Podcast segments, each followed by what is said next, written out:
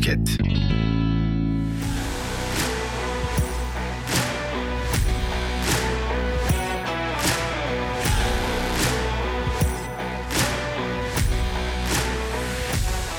Arkadaşlar herkese merhabalar. Ben Cihan Karlo. Podcast'ıma hoş geldiniz.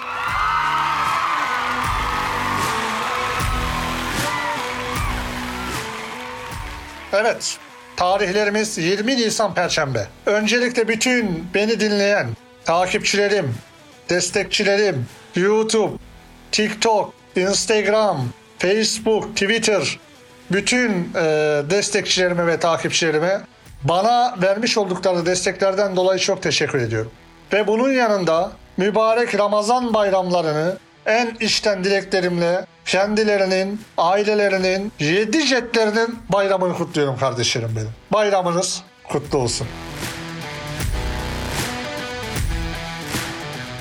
Evet arkadaşlar Bitcoin'de şu anda biliyorsunuz ki bir çöküş başladı. Ama biz buna çöküş diyebilir miyiz? Benim buna düzeltme diyebilmem için Bitcoin'in önce 29.200 seviyesini kırması lazımdı kırdı. Ondan sonraki seviyemiz 28.500 dolardı. 28.500 dolar daha görülmedi. 28.600'ler falan ha daha doğrusu görüldü ama bir kalıcılık sağlanmadı. İşte bu kalıcılık sağlanmamasıyla birlikte e, bizim o noktada beklediğimiz 28.500 dolar kırılımı var. 28.500 dolar kırılımı ile birlikte 27.300 total olarak Cihan Baba bu Bitcoin'de düzeltme diyebilmen için kaç seviyesi gelmesi lazım? Tabii ki değerli kardeşlerim benim 25.650 veya 25.800 seviyesinin görülmesi lazım ki biz Bitcoin için bir düzeltme geldi diyelim değerli kardeşlerim benim.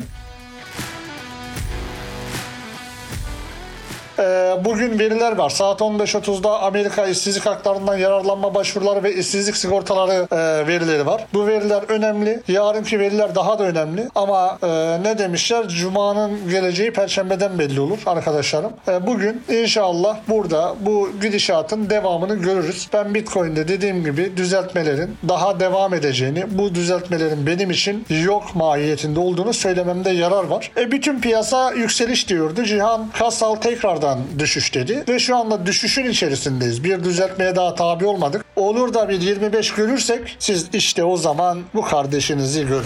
Bu kardeşinizi görün. Bu kardeşinizi görün. Ee, gerekli seviyeler Bitcoin ile alakalı olaylar bunlar.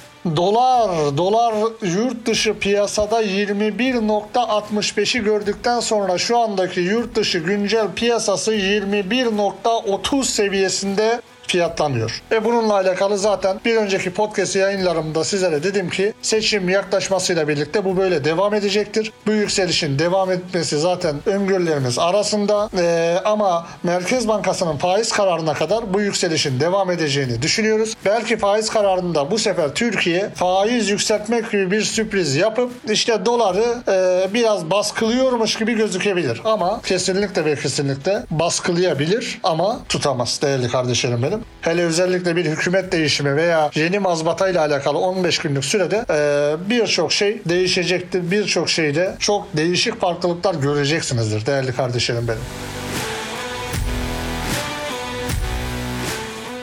Şimdi podcast yayınlarımızı abicim beğenmeyi unutmayın. İzlemeyi, dinlemeyi unutmayın. Ya bir tane arkadaşınıza da göndermeyi unutmayın arkadaşlar.